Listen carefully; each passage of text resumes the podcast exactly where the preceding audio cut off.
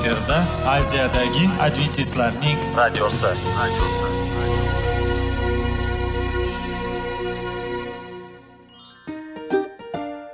Assalomu alaykum radio tinglovchimiz. Dasturimizga xush kelibsiz va bizni tinglayotganingizga sizdan judayam minnatdormiz.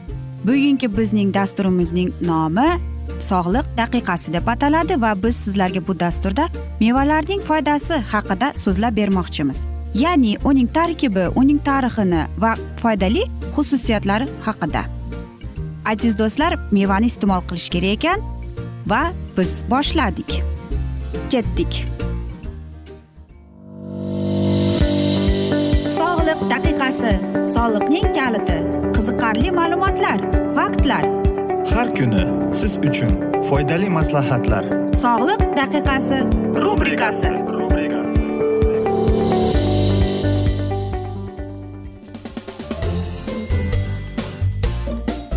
assalomu alaykum aziz radio tinglovchilar. Dasturimizga xush kelibsiz. Va biz sizlar bilan tana va sog'liq degan dasturda xushvaqt bo'ling deb aytamiz. Va bugungi bizning dasturimizning mavzusi yelkalar uchun mashqlar deb nomlanadi. Albatta siz eshitgandirsiz qanday qilib biz bu mashqlarni bajarsak bo'ladi deb. Ammo lekin bugungi dasturlarda albatta mana shunday mashqlar haqida suhbat bo'ladi. Qarangki mana shunday yelkalar uchun ham mashqlar bor ekan. Lekin hammamiz bilamizki ertalab judayam ba'zi bir insonlar qiyinchilik bilan uyg'onib keladi. Biz tushunamiz bu qiyin ammo lekin biz o'zimizni majburlaymiz chunki keyingi kunimizga biz tayyorlaymiz. Shuning uchun ham e, biz ko'plab eng katta xatolikka yo'l qo'yamiz kunimizni bir chashka qahva bilan boshlaymiz. Ammo lekin aziz do'stlar olimlarning aytishicha qahvadan ham eng yaxshi usul bor ekan. Qanday deysizmi? Olimlar aytar ekanki ertalab turib darrov mashqlarni bajarish kerak ekan. Chunki ertalabki mashq bizning tanamizni uyg'onishga va kun bo'yiga energiya bilan bizni kuch quvvat bilan bag'ishlashga yordam berar ekan. Kuniga ertalab o'n daqiqa e, mashq qilsangiz demak siz tanangizdagi qonni uyg'otib va qoningizga kislorod berishga yordam berib kelasiz. Va albatta tanangiz uyg'onib keladi. Va vaqt soati o'tgandan keyin siz e, shunga ahamiyat berasizki siz boshqa bukilmaysiz. Belingizni to'g'ri ushlab va eng yaxshi narsasi bu skolioz va osteoxondrozga eng yaxshi profilaktik hisoblanadi. Ertalabki ana mashqning yana bir eng yaxshi ijobiy tomoni shundaki o'n o'n besh daqiqa buni bajarsangiz demak siz o'z badaningizga rahmat aytadigan bo'lar ekansiz. Xo'sh qanday qilib qanday bu mashqlar nimadan ekan deymizmi? Keling birinchidan siz turib cho'zilishingiz kerak va albatta o'tirib turishingiz kerak ekan. O'n marta o'tirib turasiz o'n marta aylanasiz va albatta. Lekin aytamizki hozirgi yigirma birinchi asrda bizda judayam ko'plab sport e, mashq e, zallari bor deb.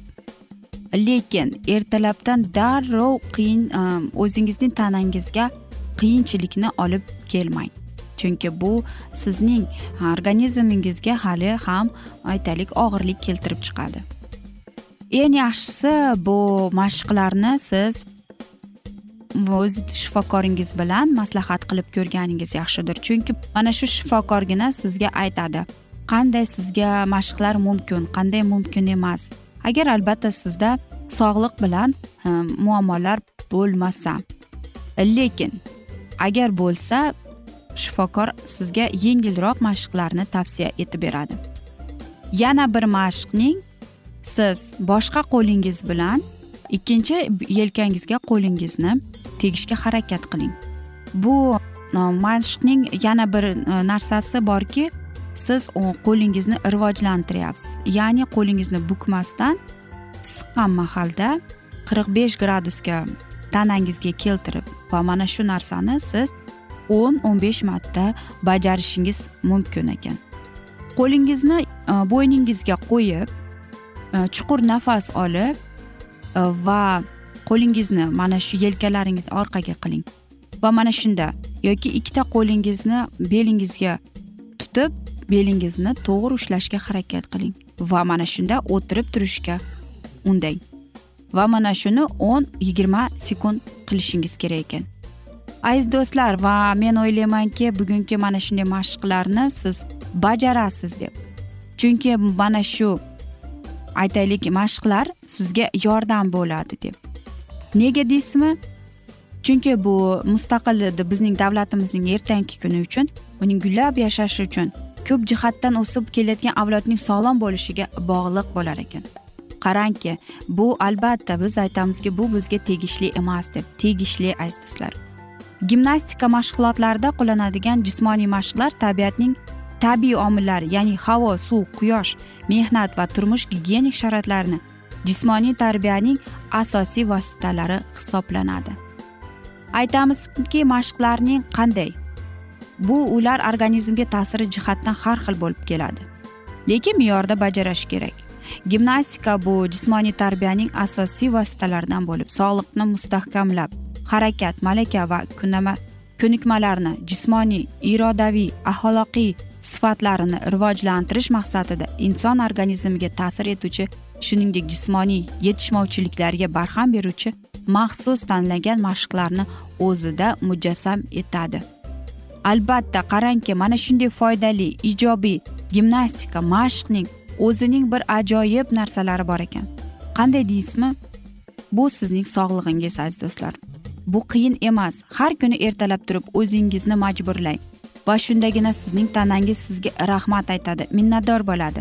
Axir bu sizning sog'lig'ingiz bizning sog'lig'imiz. Shuning uchun ham erinmasdan yaxshi kayfiyat bilan yuzda tabassum bilan uyg'onib va albatta mana shunday mashqlarni bajaring. Va biz o'tgan galgi dasturimizda aytganimizdek hozirgi yigirma birinchi asrda nima ko'p internet ko'p va o'zingizga kerakli mashqlarni albatta internetdan topib olsangiz bo'ladi. Va albatta sizda hamma narsa sizning qo'lingizdan keladi. A biz esa sizlarni ilhomlashtirishda davom ettiramiz. Aziz do'stlar afsuski mana shunday go'zal va chiroyli asnoda biz bugungi dasturimizni yakunlab qolamiz chunki dasturimizga vaqt birozgina chetlatilgani sababli. Ammo lekin sizlarda savollar tug'ilgan bo'lsa biz sizlarni salomat klub internet saytimizga taklif qilib qolamiz. Va biz umid qilamizki aziz radio tinglovchilar bizni tark etmaysiz deb chunki oldinda bundanda qiziq va foydali dasturlar kutib kelmoqda. Va biz sizlarga va yaqinlaringizga albatta tinchlik totuvlik yuzingizdan tabassum hech ham ayrimasin deymiz. Va eng asosiysi aziz do'stlar sog' bo'ling omon qoling deymiz.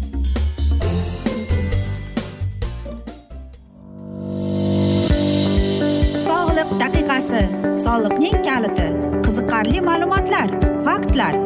Har kuni siz uchun foydali maslahatlar. Sog'liq daqiqasi rubrikasi.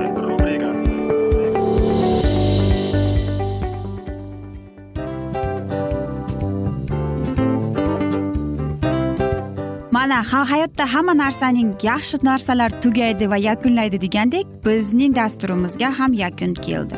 O'ylaymanki bizning dasturimiz sizga foydali bo'ldi deb aziz radio tinglovchimiz. Va siz o'zingiz uchun kerakli xulosalar kerakli maslahatlar olib oldingiz.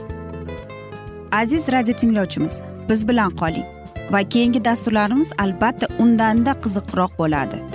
Mana shu alfozda sizlar bilan xayrlashib qolaman.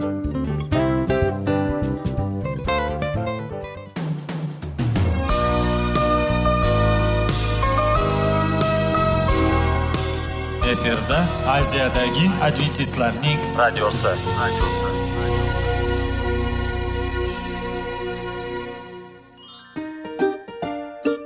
assalomu alaykum aziz radio tinglovchilar dasturimizga xush kelibsiz va sizlarni bugun biz munosabatlar haqida sizlar bilan suhbat qurmoqchimiz ya'ni ikki sevishganlar to'g'risida yoki er xotinning o'rtasida bo'lgan munosabatlar haqida masalan yigit qizni qanday sevish kerak? Er xotinni qanday sevish kerak? Xotin erini qanday sevish kerak? Qanday munosabatda bo'lish kerak ular bir biriga mana shunday haqida bizning mavzuyimiz.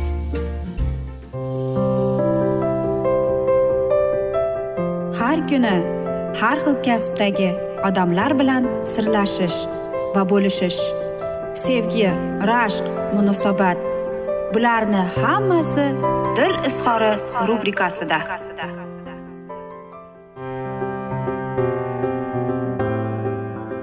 Assalomu alaykum aziz radio tinglovchilar dasturimizga xush kelibsiz. Va biz sizlar bilan erkaklar marsdan ayollar veneradan degan dasturda xushvaqt bo'ling deb aytamiz. Va bugungi bizning dasturimizning mavzusi nega erkaklarimizning o'tkir reaksiyasi bor biz ularni iltimos qilsak deb. Albatta siz aytasiz nega bizning erkaklarimiz biz ulardan yordam so'raganimizda ular shunchalik o'tkir e, bizga reaksiyasini beradi deb. Aziz do'stlar bular yalqov emas bu judayam aytaylik minnatdorchilikni talab qilishning usulidir ekan. Har kim mana shu iltimosni bajarishdan oldin nima qilish kerak? Unga minnatdor bo'lish kerak. Agar ayollarimiz aytaylik g'amxo'rlik va tushunishga kerak bo'lib boqqanda ular o'zining mana shu tashvishlarini erkaklariga aytadi va o'ylaydiki erkaklarimiz ham xuddi shunday ekan ular sezish kerak ekan uni qadrlashini qanday bo'lishidan qat'iy nazar. Har qanday erkakni o'zgartirish tomon yaxshi tomoniga bo'lmasin. Bu albatta unga qandaydir bir ma'noda sen mukammal emassan degan ma'noni bildirib keladi. Bilasizmi aziz ayollarimiz marsda shunday bir shior bor ekan. Agar narsa e, buzilib qolgan bo'lsa demak u buzilgan. Shuning uchun ham erkak kishi ayol kishi erkak kishidan mm, aytaylik ko'p narsalarni o'zgartirishga keladi.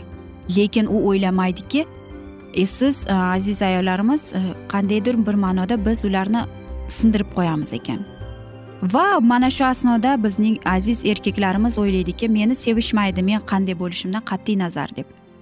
Albatta biz muhtoj bo'lganimizda ularning mana shunday qo'llab quvvatlashiga biz ko'p sevgini olamiz va bizning turmush o'rtog'imiz bizga berayotgan o'zining sevgisiga bizga bo'lgan g'amxo'rini ko'rib turib baxtli bo'ladi. Ayniqsa erkak kishi qachon baxtli bo'ladi? Agar biz aytaylik unga minnatdor bo'lsak u bizning sevgimizni sevsa biz aytamiz qanday qilib biz mana shu narsalarni saqlab qolishimiz mumkin? deb. Agar sizning sevgingiz kuchli va chuqur bo'lsa ammo lekin siz bir kuni ertalab turib siz nimani his qilasiz turmush o'rtog'ingizga? G'azabnimi yoki xafagarchiliknimi? Yoki siz turmush o'rtog'ingizga nisbatan judayam sabrlisiz va siz uni tushunasiz? Yoki siz biror marta hech tasavvur qilib ko'rganmisiz o'zingizning turmush o'rtog'ingizsiz hayotni? Va siz hoziroq janjal boshlab hozir ajrashib ketmoqchisiz? Yoki sizning turmush o'rtog'ingiz siz uchun qachondir yoqimli narsa qilganmi? Lekin siz uni kechirolmaysiz. Nima uchun? Sizni sevimli insoningizga tortadi ammo lekin birdaniga o'zingizni qandaydir bir yopiq insondek bo'lib qolasiz.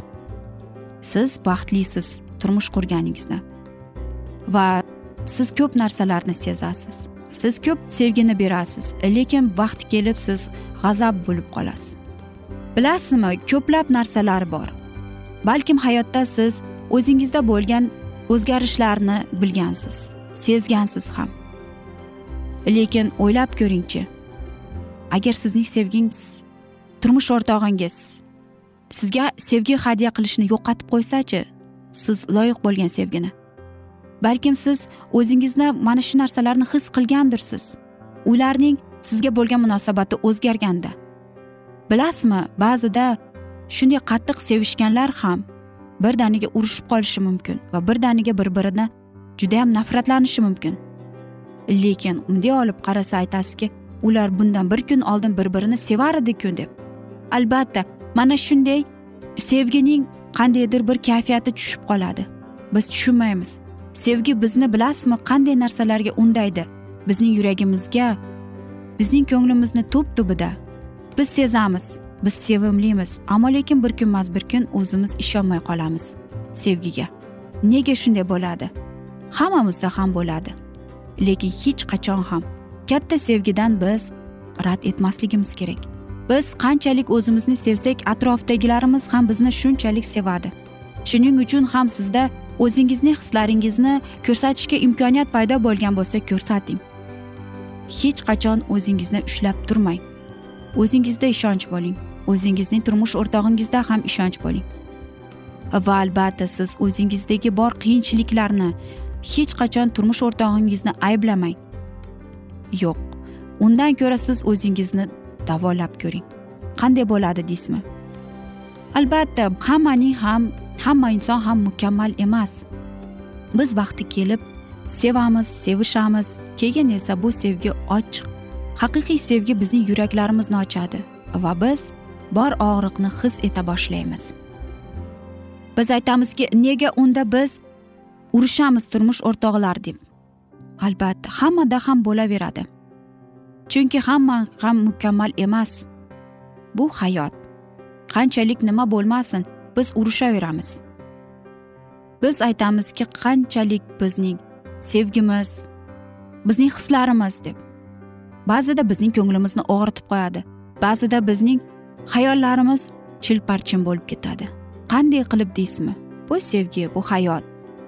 Agar biz sevgi sevgilimizning turmush o'rtog'imizning og'zidan chiqqan bizga tanqidini eshitib biz nima bo'lamiz? Albatta yuragimiz og'rib qoladi. Qanchalik og'ir lekin unutmaslik kerak. Bu sevgi. Siz er xotinning o'rtasida bo'lgan sevgi. Albatta biz nima bo'lgan chog'da ham bir birimizni qo'llab quvvatlashimiz kerak. Qanchalik bizning turmush o'rtog'imiz yaxshimi yomonmi? Biz uni tanladik biz u bilan turmush qurdik. Qanchalik biz undan xafa bo'lmaylik biz ularni unutaylik hech qachon ham o'tmishning va xafa bo'lgan achchiq so'zlarni yodingizdan chiqarib tashlang.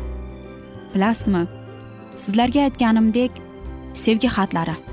Agar sizlarda buni muammo bo'lgan bo'lsa sizlar xat yozishingiz mumkin. Xohlasangiz turmush o'rtog'ingizga bering xohlasangiz bermang. Lekin vaqti soati o'tib siz yana shu xatni olib o'qing. Va har safar siz mana shunday urushgingiz kelganda shu xatlarni o'qib chiqing. Va ko'rasiz qanchalik siz o'zgarib qolasiz. Aziz do'stlar mana shunday asnoda afsuski biz bugungi dasturimizni yakunlab qolamiz chunki bizning dasturimizga vaqt birozgina chetlatilgani sababli. Ammo lekin keyingi dasturlarda albatta mana shu mavzuni yana o'qib eshittiramiz. Va men umid qilamanki sizlar bizlar bilan qolasiz deb chunki oldinda bundanda qiziq va foydali dasturlar kutib kelmoqda. Va albatta biz sizlarga va oilangizga tinchlik totuvlik tilagan holda yuzingizdan tabassum hech ham ayrimasin deymiz aziz do'stlar. Va unutmang seving seviling deb xayr omon bo'ling deymiz.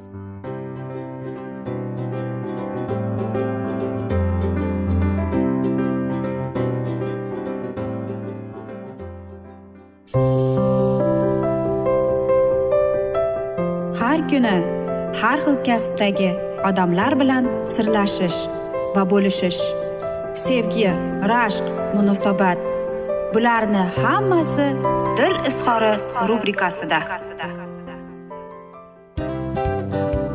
Mana aziz radio tinglovchimiz bizning go'zal va foydali va chiroyli dasturimiz yakunlanib bormoqda.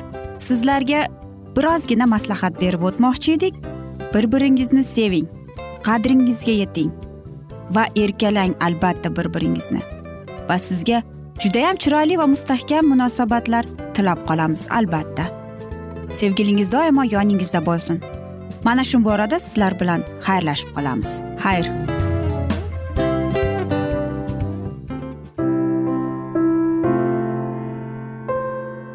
Hayotning noni. Qiziqtirgan savollar va javoblar. Buning hammasi ko'ngil uchun oziqa rubrikasida.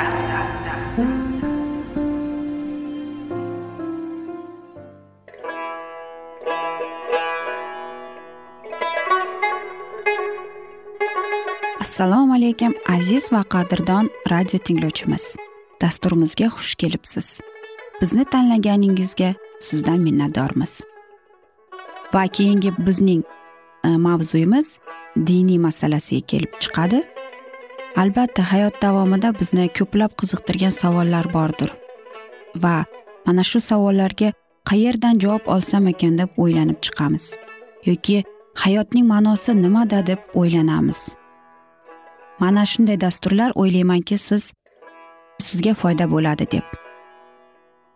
Aziz do'stlar e, bugungi bizning mavzuyimizning nomi vahiy kitobning ochilishi.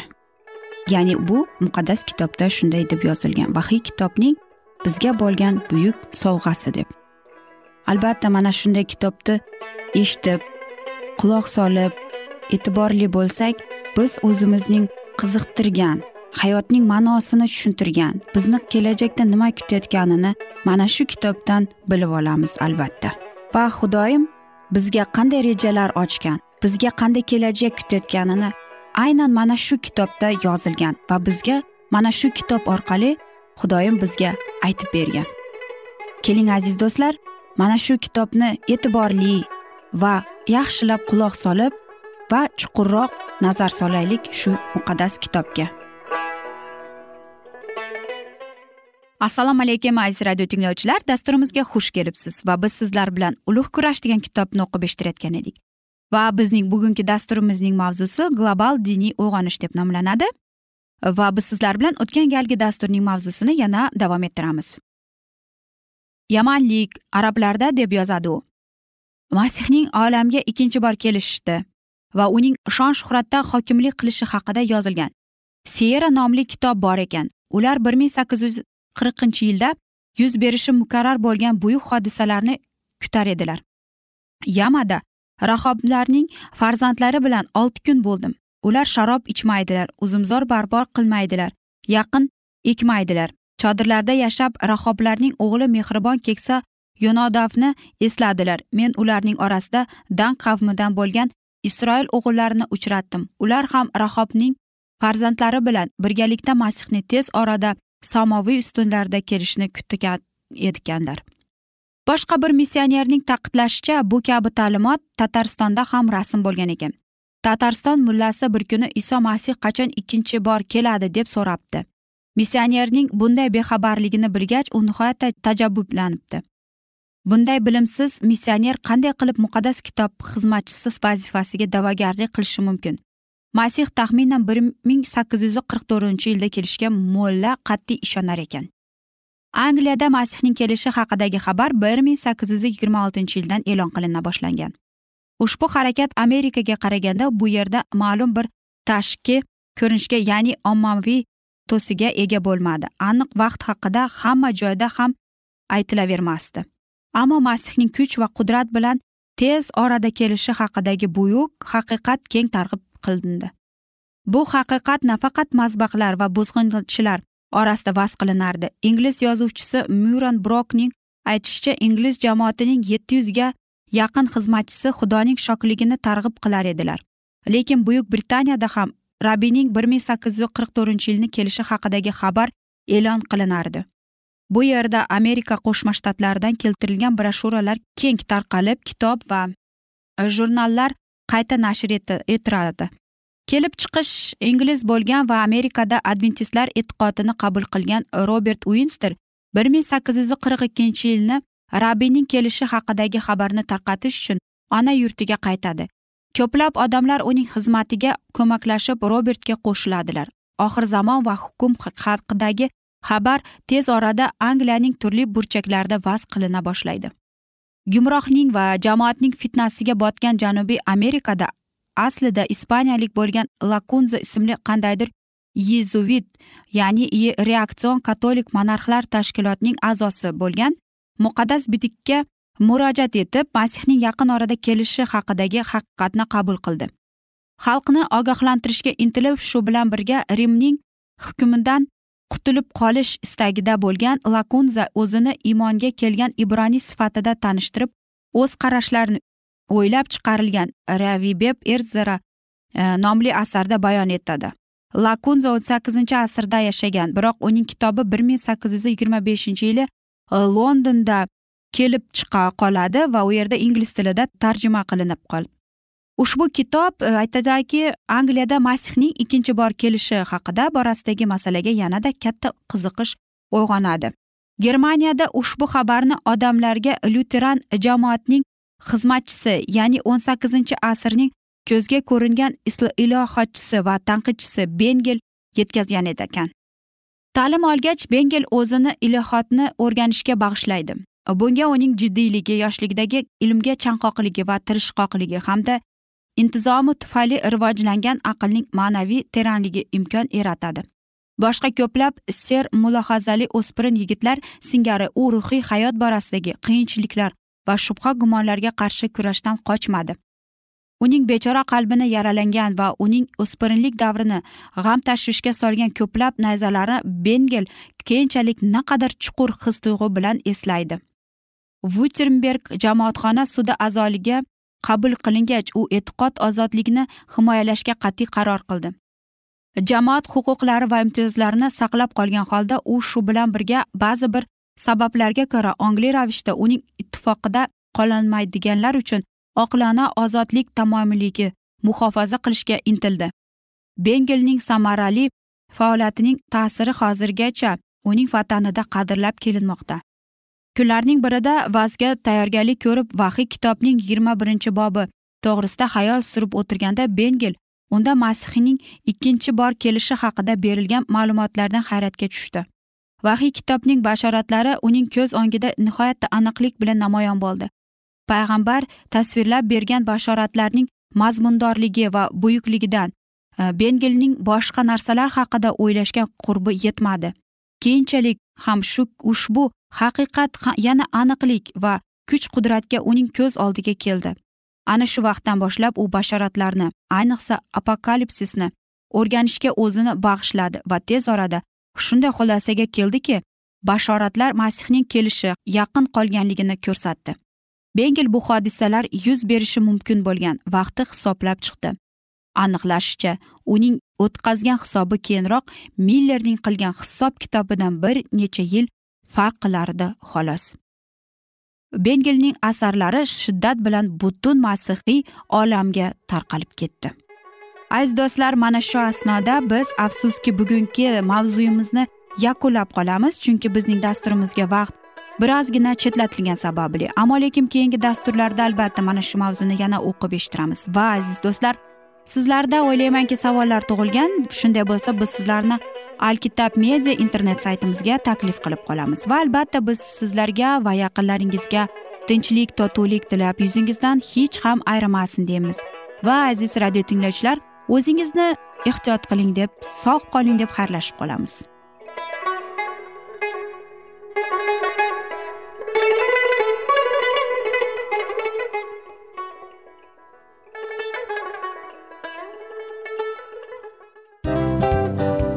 Hamma narsaning yakuni bo'ladi degandek afsuski bizning ham dasturlarimiz yakunlanib qolyapti. Va biz o'ylaymizki bizning dasturimizdan o'zingiz uchun kerakli va foydali maslahatlar olib oldingiz. Sog'liq borasida sizga foydali maslahat berganmiz deb umid qilaman albatta. Va sizlarga mana shu borada sog'liq tilab qolaman. Munosabatlarga kelganda esa sizlarga sevgi omad va albatta yaxshi munosabatlar tilab qolamiz. Uchinchisiga kelganda esa bu juda chuqur va e'tiborli nazarni qumsaydi va sizlarga mana shu yaxshilik kayfiyatda sizni kayfiyatingizni ko'targan holda sizlar bilan xayrlashib qolaman afsuski. Ammo lekin keyingi dasturlarimiz undanda qiziq bo'ladi. Va siz biz bilan bo'ling. Bizni tanlaganingiz uchun sizlarga rahmat. Omad sizlarga. Xayr.